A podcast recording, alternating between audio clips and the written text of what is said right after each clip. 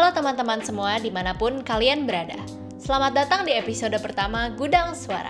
Kenalin, nama gue Tere dan gue bakal nemenin kalian semua di episode kita kali ini.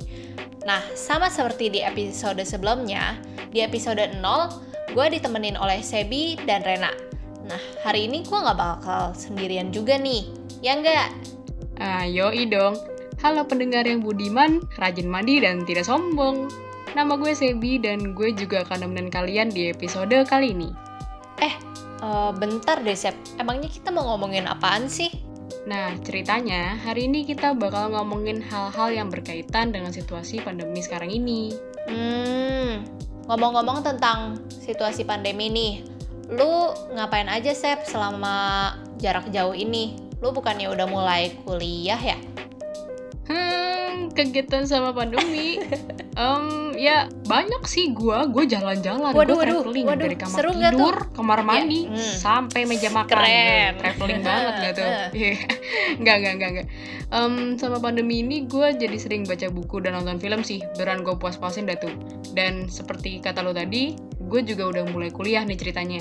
Hmm, terus gimana tuh Sep? Kalau dari gue sendiri kan gue uh, pembelajaran jarak jauh SMA nih.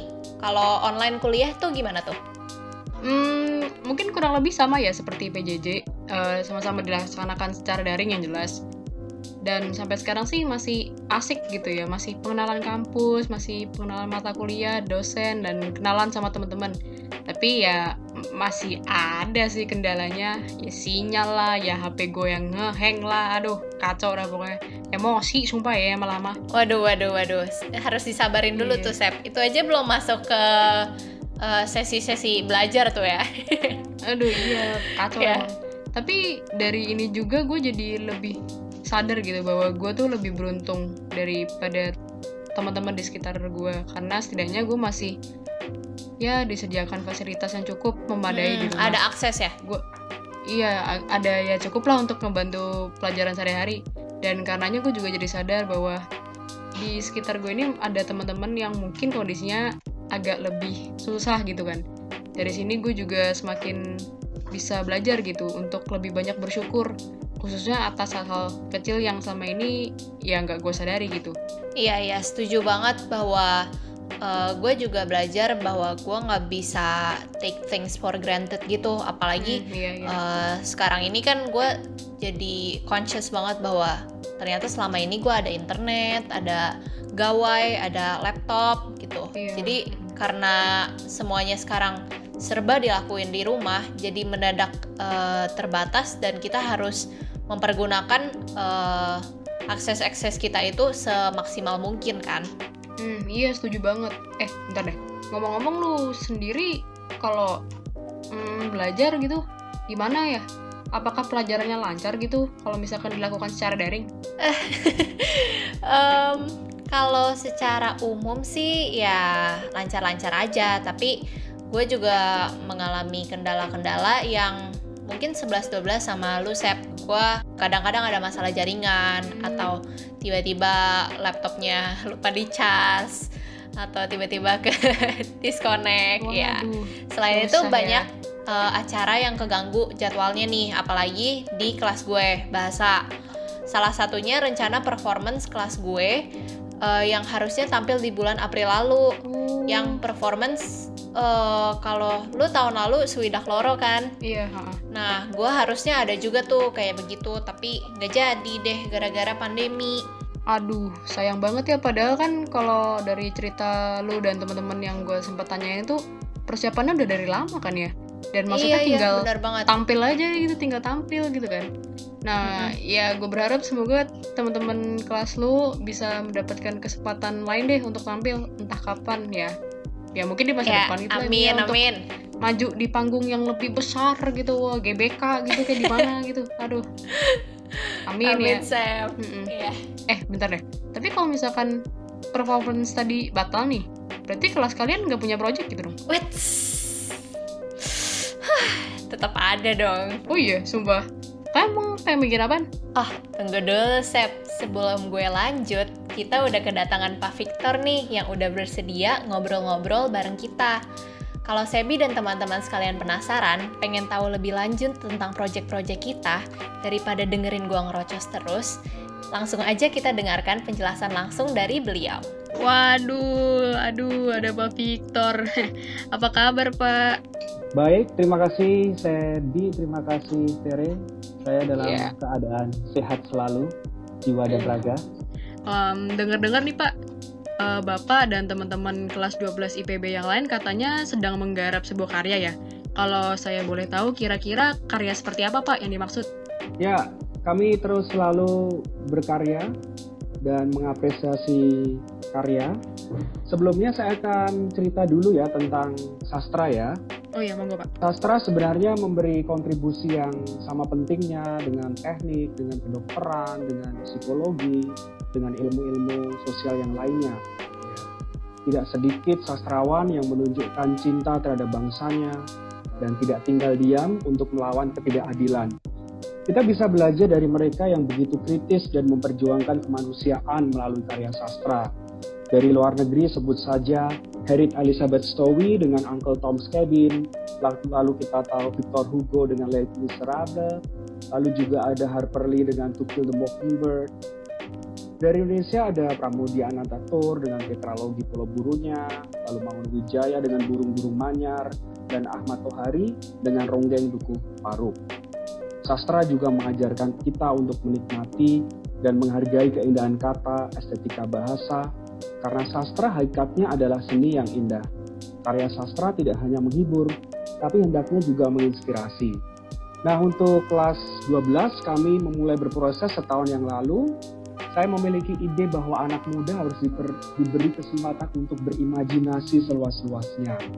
Lalu kami mencoba untuk mendalami teori tentang penulisan fiksi, Lalu kami mencoba untuk menggalang 25 penulis sejumlah siswa dari kelas uh, eh, 11 bahasa tahun lalu dan saya sendiri juga memberikan uh, cerita saya genaplah 26 karya dan kami mengambil judul Atlas ya. Atlas itu adalah petunjuk buat kita melangkah. Jadi kami melangkah menuju berbagai macam tempat di lain benua dan kami kembali untuk uh, pulang ke rumah dan membagikan ke 26 cerita yang beragam itu. Seperti itu Sebi. Oh, waduh keren banget nih dari tadi Bapak sudah menjelaskan sekilas sebenarnya, tapi banyak itu tentang sastra dan langsung uh, menceritakan juga tentang proyek buku Atlas ini. Nah, tapi sebenarnya Pak, saya ingin bertanya, kira-kira sebenarnya um, bagaimana sih perasaannya berproses menghasilkan karya di tengah pandemi seperti ini. Pasti di tengah-tengah keseruan membuat buku itu pasti ya muncul beberapa kendala kan Pak. Kalau boleh ban uh, dibantu diceritain mungkin bisa oleh Pak Victor atau Tere. Tere dulu mungkin. Hmm, um, sebenarnya buku ini kan uh, direncanakannya dirilis tanpa memikirkan bahwa kita akan ada dalam situasi pandemi ini kan. Jadi sebenarnya buku ini um, sangat sangat sangat uh, terdevelop untuk uh, mensatisfy uh, pembaca pembacanya itu dari ya memang membaca secara langsung gitu dan kayak menjualnya juga secara personal dan lebih uh, dekat kayak misalnya um, ke teman-teman seangkatan atau kayak ke keluarga keluarga dan kerabat dan kita sebenarnya juga kemarin mau ngadain semacam signing event uh, atau launching book launching gitu. Nah tapi uh, ya begitu karena pandemi ini um, banyak restrictions yang kita harus ikuti dan banyak guidelines yang baru yang uh, harus kita patuhi. Jadi hmm, kita nggak bisa ngelakuin eh, hal-hal uh, seperti itu. Tapi dengan diadakannya adanya challenge baru ini kita come up with different and new ideas kayak salah satunya itu podcast kita kali ini ya saya bisa tambahkan ya kami memulai berproses untuk membuat buku antologi cerita pendek itu sebelum pandemi. Lalu hampir saya rasa 80% sudah jadi bukunya, tinggal finishing aja, lalu datanglah pandemi. Nah saat ini sedang dalam proses uh, menuju ke printing atau percetakan. Mudah-mudahan dalam waktu dekat kita akan uh, berusaha untuk mempublish untuk publik gitu. Nah, tidak hampir tidak ada sesuatu yang berarti sebelum pandemi prosesnya, tapi setelah pandemi berat rasanya karena kita tidak bisa bertemu dan benar kata Tere kami sebenarnya menyelenggarakan sebuah launching buku lalu ada pameran uh, sejumlah ilustrasi 26 27 ilustrasi dan kita akan pamerkan gitu. Tapi pandemi datang dan akhirnya semua itu masih menjadi PR kami gitu. Yang pasti uh, saya salut anak-anak muda di zaman digital ini memiliki keinginan kehendak yang kuat untuk mempublish bukunya dalam bentuk fisik ya dan saya rasa itu akan menjadi legacy yang sangat berarti di kemudian hari bisa mewariskan itu ke teman, ke keluarga dan mungkin ke anak-anak mereka nantinya sebagai uh, memori kolektif yang tidak hanya penting tapi indah. Begitu Sadi. Aduh, ini penjelasan yang sangat sedep, mantap jiwa gitu kan. Nah, kalau dari penjelasan barusan kan kita udah mendengar nih, Pak, uh, gambaran bukunya pasti wow, keren dan segala macam. Nah, kalau misalkan ditanya kira-kira siapa saja yang bisa membaca bukunya dan kalau ada yang tertarik, di mana teman-teman kita ini bisa mendapatkan buku tersebut? Ya, saya dulu ya nanti Tere bisa nambah. Oke. Okay. Jadi, jadi saya mulai dari ide awal.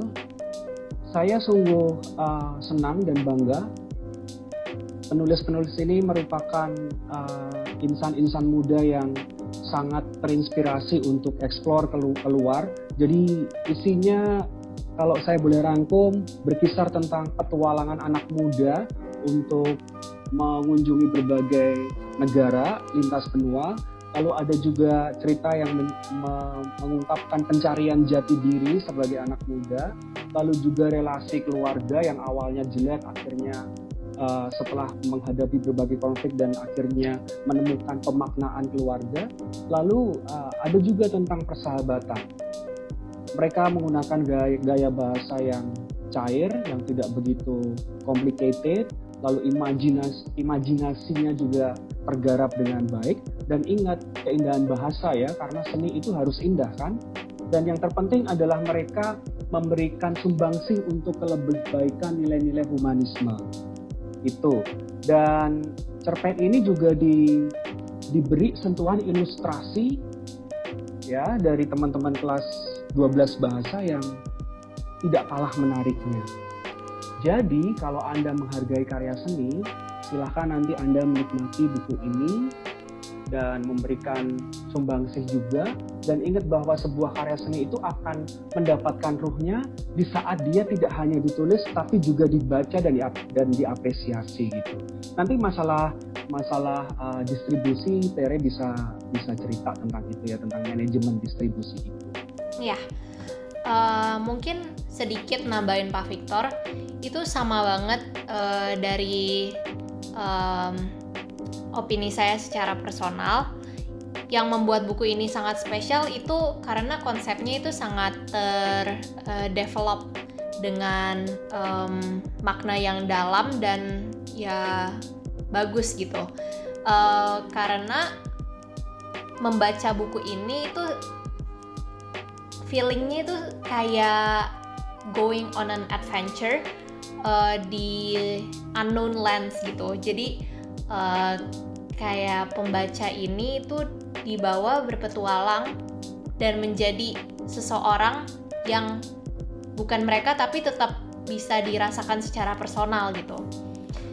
Nah, um, ya kalau tentang kontennya sih itu aja. Tapi kalau untuk distribusinya nanti kami akan mengadakan pre-order melalui media sosial kami uh, nanti akan di mungkin bisa dicantumkan di deskripsi podcast ini.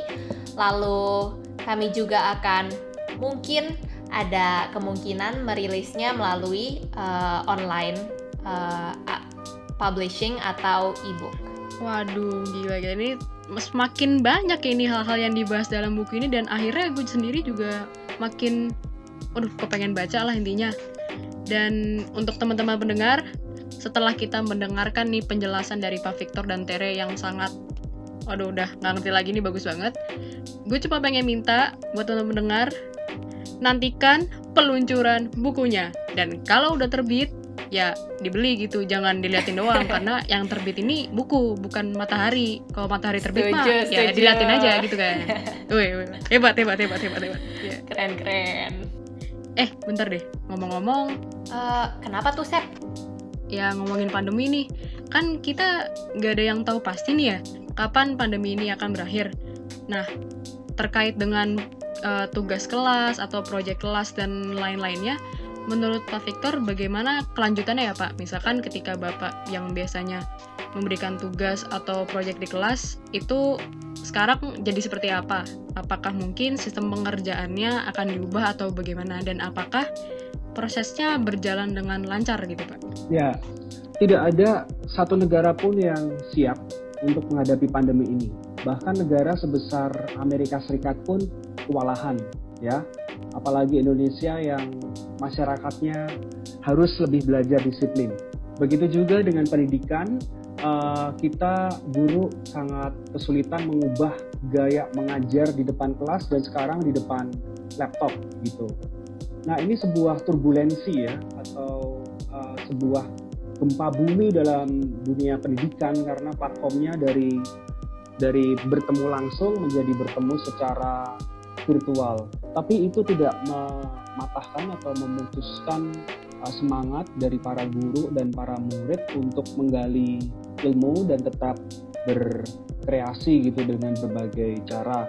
Dan kami sungguh bersyukur di tengah kondisi yang sulit ini kita masih bisa bertemu secara virtual.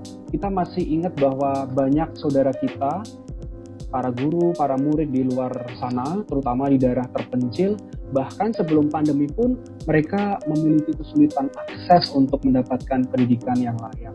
Jadi kita tetap harus uh, semangat meskipun ada kendala kita optimalkan pembelajaran jarak jauh dan saya yakin dari siswa juga dibutuhkan disiplin diri yang kuat karena mereka banyak uh, distraksi gitu ya mereka harus pinter-pinter me- menjaga konsentrasi agar tetap bisa fokus mengikuti pelajaran gitu ya Seth. Hmm. Nah, mungkin kita balikin lagi dulu nih ya ke tema awal nih tentang berkarya di tengah pandemi. Nah, menurut uh, Pak Victor sendiri, apakah ada tips-tips nih yang bisa dibagikan kepada teman-teman pendengar tentang cara mengoptimalkan pembuatan karya di tengah situasi pandemi ya supaya tetap konsisten berjalan gitu, Pak? Oh iya, sebelum saya membagi hal-hal yang sekiranya penting untuk mensikapi pandemi ini, ada satu hal penting lagi dari kelas 2 ba- 12 bahasa. Oh iya, monggo Pak. Tepat sebelum pandemi kita akan me- mementaskan sebuah drama pertunjukan bahasa Inggris yang mengambil latar belakang budaya Bali, ya legenda terjadinya uh, Selat Bali gitu.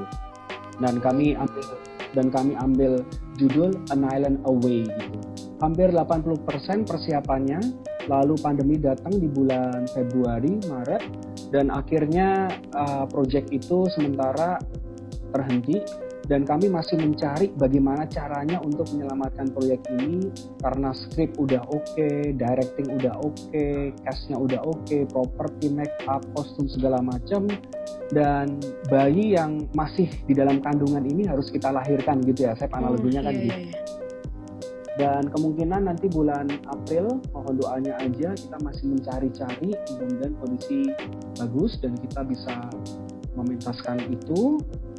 Uh, dan mudah-mudahan teman-teman yang lain masih bisa optimis untuk mementaskan itu. Lalu uh, kita harus tetap optimis ya untuk bisa berkarya. Yang diubah hanya jaraknya tidak bisa bertemu satu sama lain kan. Tapi kalau karya, kreativitas, unsur-unsur ekspresi kan tetap harus berjalan gitu. Ya, meskipun platformnya sekarang sudah menjadi digital atau virtual, tapi tetap ruang ber- berekspresi itu harus kita harus kita ciptakan. Dan hikmah dari pandemi adalah kita diberi kuasa oleh Tuhan untuk melihat diri kita menjadi semakin dekat. Ya, menjauhkan diri dari dunia yang ramai dan melihat our inner self gitu loh.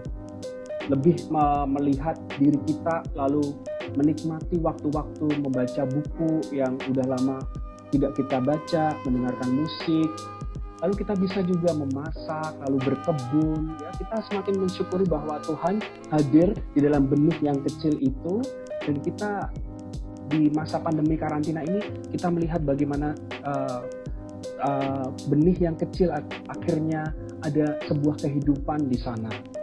Ya, nah ini hikmah dari pandemi dan ingat kita harus berpikiran positif dan memberikan hal-hal yang baik dan saya senang bahwa uh, banyak di antara kita berbagi makanan, berbagi kue. Saya sendiri mencetak foto analog saya, lalu saya bagi ke teman-teman yang lainnya dan mereka merasa senang dan saya pun tambah senang. Gitu ya, saya kita nggak tahu kapan akan iya. berakhir, kemungkinan masih lama, tapi tapi tetap berharap bahwa kondisi akan segera membaik dan ingat jaga kesehatan dan banyak saudara kita, teman-teman di luar sana yang kehilangan pekerjaan, yang tidak bisa mendapatkan income income yang layak. Oh, iya. Itu saya. Iya, amin Pak, setuju banget. Ah, iya gila, setuju banget Pak. Uh, balik lagi ke bahwa kita itu termasuk kaum-kaum yang berprivilege gitu. Kita masih bisa bertatap muka seperti ini, bisa uh, mengikuti PJJ melalui online, ada medianya, ada uh, gawainya, tapi ya banyak dari teman-teman kita yang nggak jauh dari kita yang nggak bisa mengakses uh, apa yang kita bisa akses dan we take for granted gitu. Nah uh, dengan ini uh, we keep this in mind, harapannya kita semua masih bisa tetap berkarya dan uh, spread kindness di tengah pandemi ini. Nah, baiklah kalau begitu sebelum kita lanjut, di sini udah ada Rena yang dengerin kita di episode sebelumnya pasti udah kenal dong. Tapi Rena mau nemenin kita di uh, episode ini kita juga mungkin bisa perkenalan dulu. Halo semua, masih inget gak sama gue? Masih masih. Nah, hari ini uh, gue di sini sebagai host untuk selingan acara pada hari ini. Iya, Rena ini mau nemenin kita sebentar buat bawain ya kalian denger aja sendiri ya. Eh bener nih Rena pengen bawain sesuatu. Aduh kebetulan banget bu, saya udah capek bu, saya pengen minum lu capek ngomong ye. Ye, mau izin minum es teh dulu dari ya bu ya. Oke deh, kalau kita uh, kalau gitu langsung aja kita panggil pemandu acara selingan kita. Oh ya Rena. Nah, karena tadi kita udah ngomong sastra begitu banyak, mari kita bedah lirik. Uh, lagu yang satu ini pasti udah terkenal banget, pasti udah familiar lah dengan kuping-kuping kita. Lagunya adalah Ekspresi oleh Titi DJ. Nah ini lagu yang sangat uh, udah agak lama sih, tapi masih dipakai untuk para penari dan simbol untuk para seniman. Nah, potongan kalimat yang akan gue pakai hari ini adalah Mari berkarya dalam puisi dan lagu, musik dan tari. Layar perak panggung gerak adalah tempat kita. Sebenarnya liriknya itu uh, lumayan jelas maksudnya apa tanpa kayak uh, maksud tersurat atau tersirat apa pun. Tapi mari berkarya dalam puisi dan lagu, musik dan tari. Nah, ini menunjukkan sebagai seorang yang mendalami seni atau sastrawan berkarya dan ekspresikan diri itu bukan ditutup dalam satu hal aja. Misalnya jadi puisi-puisi aja terus. Gak kok, gak selalu begitu. Bisa banget ke musik dan tari dan lagu. Itulah makanya uh, kenapa orang-orang suka banget mengekspresikan dirinya melalui karya seni karena begitu luas dan benar-benar gak ada batasnya. Selanjutnya, layar perak panggung gerak adalah tempat kita. Nah, layar perak itu sebenarnya quote dari bahasa Inggris atau silver screen. Nah, silver screen itu apa sih? Silver screen adalah asal muasal dari uh, layar bioskop. Tapi kenapa namanya silver? Kan bioskop biasanya putih atau hitam. Nah, pada awalnya nih uh, layar itu dibuat dengan warna silver dan biasanya emang dibuat dari perak atau aluminium karena bisa memantulkan gambar yang akan ditonton. Nah, penemuan ini merupakan awal dari terbuatnya industri perfilman yang akhirnya membakar sampai saat ini kita bisa nonton bioskop, bisa nonton film. Layar perak, panggung gerak. Nah, panggung gerak ya ya kita dong uh, naik atas panggung dan berkreasi adalah tempat kita.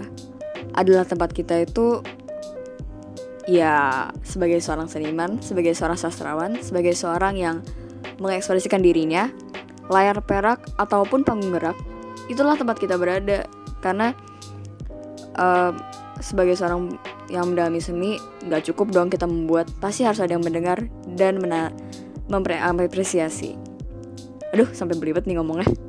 Nah kita lanjut aja nih. Dalam membedah lirik jangan lupa membedah buku kita juga ya. Seru banget nih. Untuk sesi terakhir fakta unik. Nah ini fakta unik banget. Gue juga baru tahu sebenarnya pada zaman awal buku-buku diterbitkan tidak dicantumkan nama penulis pada cover karena cover masih dianggap sebagai karya seni sehingga lebih banyak dihias dan baru diberi nama pada dalam bukunya. Ini ini makanya banyak banget penulis yang rela nyari ilustrator yang bagus dan kompeten karena cover itu dianggap seni. Gue sebagai ilustrator ngerti banget susahnya menggambar untuk suatu buku nah jadi cover emang sangat penting ya. Apalagi kita sebagai pembeli pasti judge a book by cover. Tidak bisa dipungkiri itu. Nah makanya sampai saat ini novel-novel yang kita baca bahkan di Gramedia pun halaman pertama biasanya memuat judul dan nama pengarangnya. Nah itu guys, makanya selama ini gue juga sering mikir, kenapa buku suka buang kertas, terus nulis nama judulnya, padahal kan di cover pertama udah ada judulnya. Nah ternyata inilah alasannya sampai sekarang tradisi memberi judul pada halaman pertama masih disimpan. Alright, gitu aja dari saya. Terima kasih banget sudah mendengarkan. Lanjut Yong ke program selanjutnya. Waduh, waduh, seru banget ya acara selingan kita kali ini. Thank you Rena udah mau bantuin kita di sesi kali ini. Bagaimana nih menurut Pak Victor acara selingannya? Saya rasa sangat informatif ya. Uh, di saat kita digembur oleh berbagai macam berita yang kurang baik, berita bohong, yang kebenarannya disangsikan, uh, Rena memberikan uh, berita yang sebenarnya ringan, tapi sebenarnya itu sangat memberi informasi ya bahwa cover buku, cover novel itu adalah sebuah karya seni yang indah. Ya, itu hal yang yang simpel sebenarnya. Dan itu saya sangat mengapresiasi itu uh, program ini memberikan nutrisi yang baik untuk ingatan kita dan untuk merawat nalar. Dan saya salut anak muda masih tahu aja uh, kekayaan lagu-lagu lama kita ya ya itu itu sebagai apresiasi akan kasanah uh, permusikan Indonesia yang kaya dan indah gitu begitu dari saya nah saya setuju juga lupa melalui acara selingan ini aku jadi semakin tahu aduh ya ampun kayak acara TV anak-anak ya tapi bener loh ini acara selingan ini seru banget nih kayak door prize 17-an gitu kan rame Aduh, aduh, aduh, aduh, stop, stop, Sebi. Ini Sebi mulai ngaco lagi aduh, nih. Ampun bang, ampun bang. Sebelum lo makin ke mana-mana, mending gue coba ngarahkan lu ke jalur yang benar. Kita coba sambungin lagi nih obrolan kita yang sekarang dengan yang sebelumnya. Wadidaw, oke. Okay. Emangnya kita mau ngomongin apa lagi nih sekarang? Um, Sebenarnya nggak banyak sih, karena di sini kita hanya ingin mengingatkan teman-teman pendengar tentang beberapa hal terkait situasi pandemi ini. Oh alah, ada pesan-pesan sponsor guys ternyata. Baiklah kalau begitu kepada saudari Teresa Kristina Wijaya, waduh, waktu waduh. dan tempat saya persilakan. Berasa jadi pembicara webinar ya. Oke teman-teman semua, di awal tadi kan kita udah sama-sama mendengarkan cerita dari gue, Sebi, dan Pak Victor terkait pengalaman di tengah pandemi ini. Kita udah tahu bahwa banyak banget hal yang mendadak berubah di sekitar kita. Memang sih ada juga hal yang positif yang tumbuh seperti uh, kreativitas tadi atau yang tadi disinggung oleh Pak Victor bagaimana kita bisa uh, melihat kita diri kita sendiri lebih dalam. Tetapi tidak dapat dipungkiri bahwa pandemi ini ya merugikan banyak orang. Hmm, iya tuh, gue setuju. Dan sebenarnya ini ya, kita harus selalu ingat bahwa di sekeliling kita itu masih ada banyak orang yang ya mungkin tidak seberuntung kita. Mungkin kita bisa bilang bahwa sekarang ini kita masih bisa hidup dan menjalankan aktivitas dengan ya nyaman gitu, nyaman. Nah, tapi sebagai anggota masyarakat yang baik nih, sebagai sesama manusia, kira-kira apa sih yang bisa kita lakukan untuk membantu saudara-saudara kita? Ingat teman-teman, saudara-saudara kita ini jumlahnya banyak dan ada di mana-mana. Mulai dari tetangga, satpam, petugas kebersihan, bapak ibu guru, petugas medis, abang tukang bakso, mari-mari sini. sini. ya malah nyanyi, ngaco. Iya, lanjut aja Ter. Aduh aduh, malu. Astaga. Ya udah udah. Uh, gue balik ke Pak Victor kalau Pak Victor mau ngobrol mungkin uh, bagaimana menurut pandangan Pak Victor, pesan-pesan mungkin yang ingin disampaikan kepada teman-teman pendengar terkait dengan situasi pandemi ini. Ya, terima kasih Tere. Uh, kita harus tetap optimis ya bahwa saat ini pemerintah sedang bekerja dengan sangat keras dan dihadapkan pada dilema yang kuat mau menyelamatkan kesehatan dan mau menyelamatkan ekonomi. Ekonomi harus ya, tetap jalan. Tapi banyak dari warga kita yang tidak disiplin. Saya baca kemarin di Kompas ada persiapan pilkada di mana banyak terjadi kerumunan massa di situ. Ya, Waduh. Saya sangat saya sangat geram dan sangat marah bagaimana bisa calon pemimpin ke depan tidak memberikan contoh yang baik buat warganya, buat masyarakatnya, tidak mentaati protokol yang kuat, ya, yang ketat. Bagian penegak hukum kita harusnya uh, dalam hal ini polisi harus ambil alih karena masyarakat kita sangat tidak disiplin. Itu. Dan sebisa mungkin kita menghindari kontak dengan banyak orang dan kalau tidak penting banget tidak perlu keluar keluar rumah. Itu dan kita tidak bisa belajar dari negara-negara yang sangat disiplin misalkan Tiongkok lalu Korea Selatan lalu Jepang uh, yang warganya begitu sadar akankah kita akan tetap seperti ini dan jumlah pasien semakin terus melonjak sementara dokter, para medis, rumah sakit, kewalahan kita sebagai bangsa sedang diuji entitas atau uh, kebersamaan kita. Nah, ini sedang terjadi gempa bumi berskala sedang dan melonjak ke skala serius, skala besar. Kalau enggak, kita akan hancur bersama. Nah, iya teman-teman. Hmm, uh, Seperti yang dibilang Pak Victor ini, kita itu harus ada rasa kebersamaan dan sense of belonging towards uh, satu sama lain. Semua orang di sekeliling kita itu uh, saudara dan keluarga kita. Nah, sebagai saudara yang baik, tentu kita harus saling menjaga dan menguatkan dong. Satu lagi Tere, sebagai tambahan, uh, okay. bumi sudah sudah terlalu parah dieksploitasi oleh manusia sebelum adanya pandemi. Iya, setuju Pak. Dan, dan yeah. hikmah dari pandemi adalah bumi sedang uh, mengalami jeda, lalu memperbaiki diri, ya. Dan mudah-mudahan kita juga memperbaiki diri untuk setidaknya mengurangi dan kalau bisa menyetop, menghentikan berbagai macam bentuk eksploitasi terhadap bumi dan laut. Karena bumi itu, karena laut itu adalah ibu yang selalu memberi.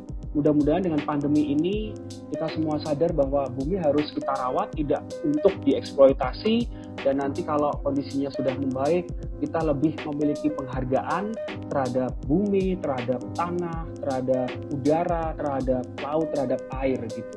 Iya, saya juga berharap dari pandemi ini teman teman-teman dan juga orang-orang di sekeliling teman-teman bisa belajar bahwa kita harus lebih aware dengan apa yang sedang terjadi di uh, bumi kita ini. Dan bukan hanya masalah yang uh, ekonomi atau politik tetapi juga bahwa bumi ini itu ada ya itu ada kehidupannya dan hidup itu juga uh, we cannot take that for granted gitu. Jadi kita juga harus mengapresiasi menghargai dan memberikan effort yang sama besar seperti kita memberikan effort untuk uh, menghidupkan kita sendiri kepada bumi kita.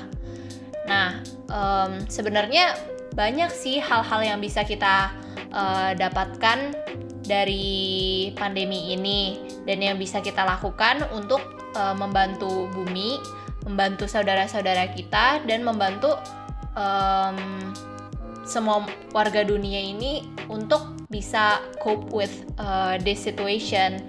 Nah, salah satu hal yang paling sederhana adalah dengan tetap menaati protokol kesehatan.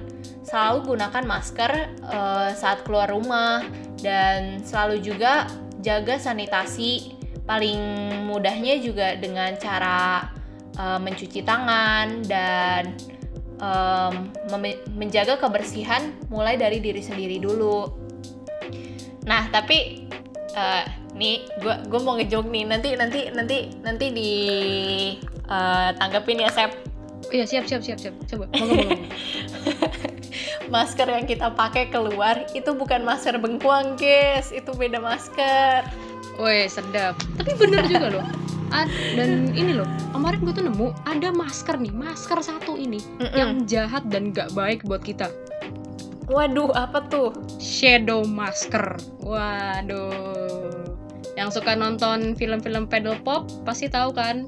Tokoh jahat berjubah hitam bernama Shadow Masker. Yuk gue mohon undur diri. Tawa dong guys. Tere tolong ketawa ya. Aduh, terima Ren. kasih. Selamatkan gue Ren please. Ya ampun.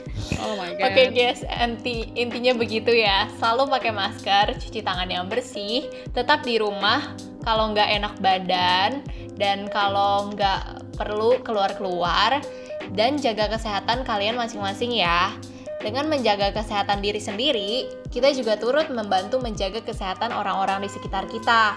Kayak paling deket lah keluarga kita. Pandemi ini adalah situasi yang serius dan tentunya kita juga harus menanggapinya dengan serius. Maksudnya kita harus berani tegas pada diri kita sendiri untuk menaati protokol kesehatan dan keselamatan uh, kita semua. Semoga dengan usaha kita, pandemi ini bisa segera berlalu. Wow, ini pesan-pesan yang sangat bagus ini. Waduh, Luar yes. biasa, inspiratif. Nah, kebetulan sekali setelah ini kita juga akan kehadiran nih. Uh, sesuatu yang bagus dan luar biasa dan inspiratif. Wow, kali ini kita akan menyimak penampilan dari Iona, Kinanti, dan Venes. Mereka akan membacakan sebuah puisi yang cukup populer nih ya berjudul Pada Suatu Hari Nanti, karya Sapardi Djoko Damono. Waduh, waduh, gue penasaran nih. Tanpa berlama-lama lagi, mari kita simak penampilan dari Iona, Kinanti, dan Venes. akan ada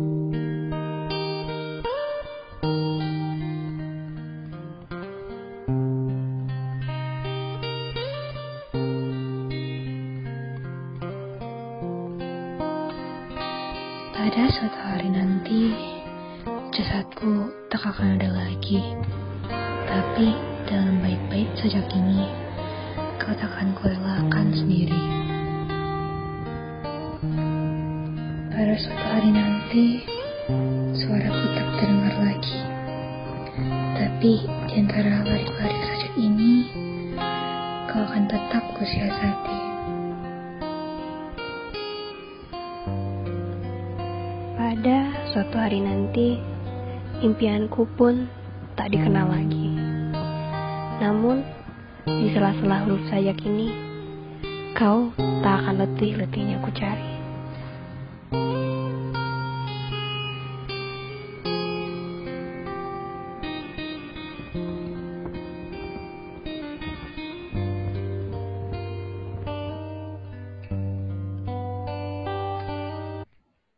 Wah, gila. Keren banget performance-nya yang barusan. Uh, dari awal sih akustiknya udah adem banget. Kalau nggak salah itu dari lagu Dancing in the Dark-nya uh, Joji. Nah, tapi kalau kontennya nih ya, gak tau gue, uh, hati gue merasa uh, melankolis, merasa uh, sangat tertikam oleh uh, pembacaan puisi tadi. Kalau lu gimana tuh, Sep? Apa ya, menurut gue teman-teman kita ini bisa membawakan puisi tersebut dengan baik gitu. Maknanya bisa tersampaikan dengan suasana yang dibangun dengan apik gitu. Nah, kalau kami boleh tanya nih, menurut Pak Victor, uh, gimana nih Pak penampilan dari teman-teman kita ini? Ya, uh, kesan pertama saya sangat terbawa oleh suasana yang diciptakan dari ilustrasi musik itu. Tangan saya kok terbawa ke alam Borneo ya, atau Kalimantan. Oh iya Pak. Karena musiknya saya pikir hampir mirip dengan musik di Borneo. Saya membayangkan di tengah sungai beraliran yang deras, Iya benar-benar petikannya ya pak. Oh, iya. Ya petikan itu ya petikan Iya, gitarnya itu kan seperti Iya. siter tapi gaya Borneo gitu ya. Iya Iya. iya. Lalu uh, saya dibawa ke keheningan sungai yang jernih di sana. Lalu Iona, Kinanti, Venes muncul membawakan sajak atau puisi yang begitu bagus dan indah dari Bapak Sapardi. Uh, ekspresinya sangat menjiwai dan benar suasananya melankolis ya pada suatu hari nanti. Uh, ini sangat kontekstual dengan kehidupan kita sekarang pada suatu hari nanti. Semoga kita bisa bertemu secara langsung dan me, apa ya berbagi hal-hal yang baik apa yang selama ini kita uh, alami gitu. Lalu yang penting adalah uh, ini Bapak Sapardi Djoko Damono kan begawan sastra ya. Beliau sudah meninggal beberapa saat Iya. yang lalu, tapi karyanya hidup. Ya, orangnya sudah meninggal, tapi karya yang indah itu hidup bahkan sampai ratusan tahun ke depan dan baru saja dihidupkan. Rohnya dihembuskan oleh Iona, Kinanti, dan Venes, anak-anak muda yang mengapresiasi uh, sastrawan uh, di atasnya gitu. Dan kita ingat uh, istilah istilah ya dari Bapak Sapardi yang begitu terkenal atau quote yang begitu terkenal dari Bapak Sapardi yaitu yang fana adalah waktu kita abadi. Kita tetap abadi, yang hilang itu adalah waktu, yang fana adalah waktu. Kita abadi, begitu. Waduh, iya itu quote yang itu memang sangat apa ya buat saya ngena banget gitu. Ya nggak Ter? Iya iya bener banget. Terus yang tadi Pak Victor juga sempat singgung nih, itu eh, karena Sapardi Djoko Damono ini dikenang eh, dari tulisan-tulisannya, itu apa ya sangat-sangat tercermin di puisi ini karena bait pertama aja udah ngomongin bahwa pada suatu hari nanti jasadku tak akan ada lagi. Tapi dalam bait-bait sajak ini, kau tak akan kurelakan sendiri. Nah, eh, sepertinya itu saat eh, Bapak Sapardi Djoko Damono menulis puisi ini, yang ada dalam pikirannya adalah saat dia sudah eh, tidak berpijak di dunia ini lagi. Kayak eh, dia ingin meninggalkan kenangan yang bisa menemani kita. Hmm, sekali lagi eh, terima kasih kepada Iona, Kinanti, dan Venes karena sudah hadir dan tampil pada podcast kita kali ini.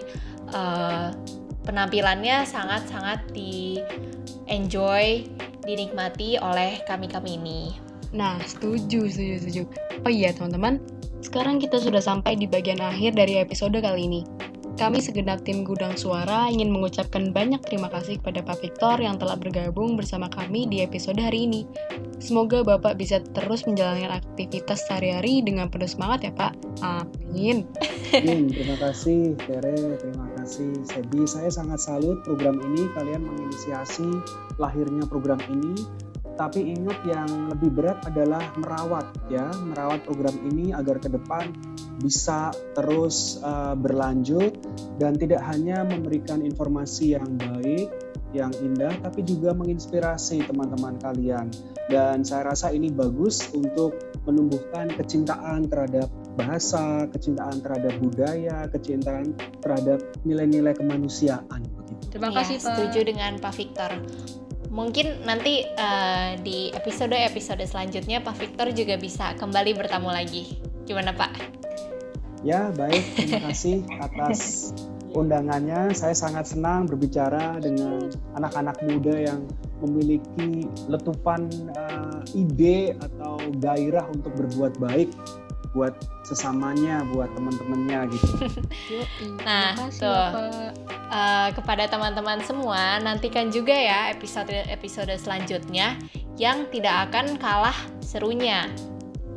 Nah, tentunya akan banyak uh, ada banyak hal yang menarik yang kita bagikan seperti pembacaan puisi, musikalisasi puisi tadi yang dilakukan Iona, Kinanti dan Venes. Teman-teman juga udah bisa mengajukan karya-karya uh, yang teman-teman ingin pertunjukkan melalui gudang suara ini di episode selanjutnya. Kami tunggu karya-karyanya ya. Yoi. Nah, kalau begitu kami semua pamit undur diri ya teman-teman. Terima kasih karena telah mendengarkan episode kali ini.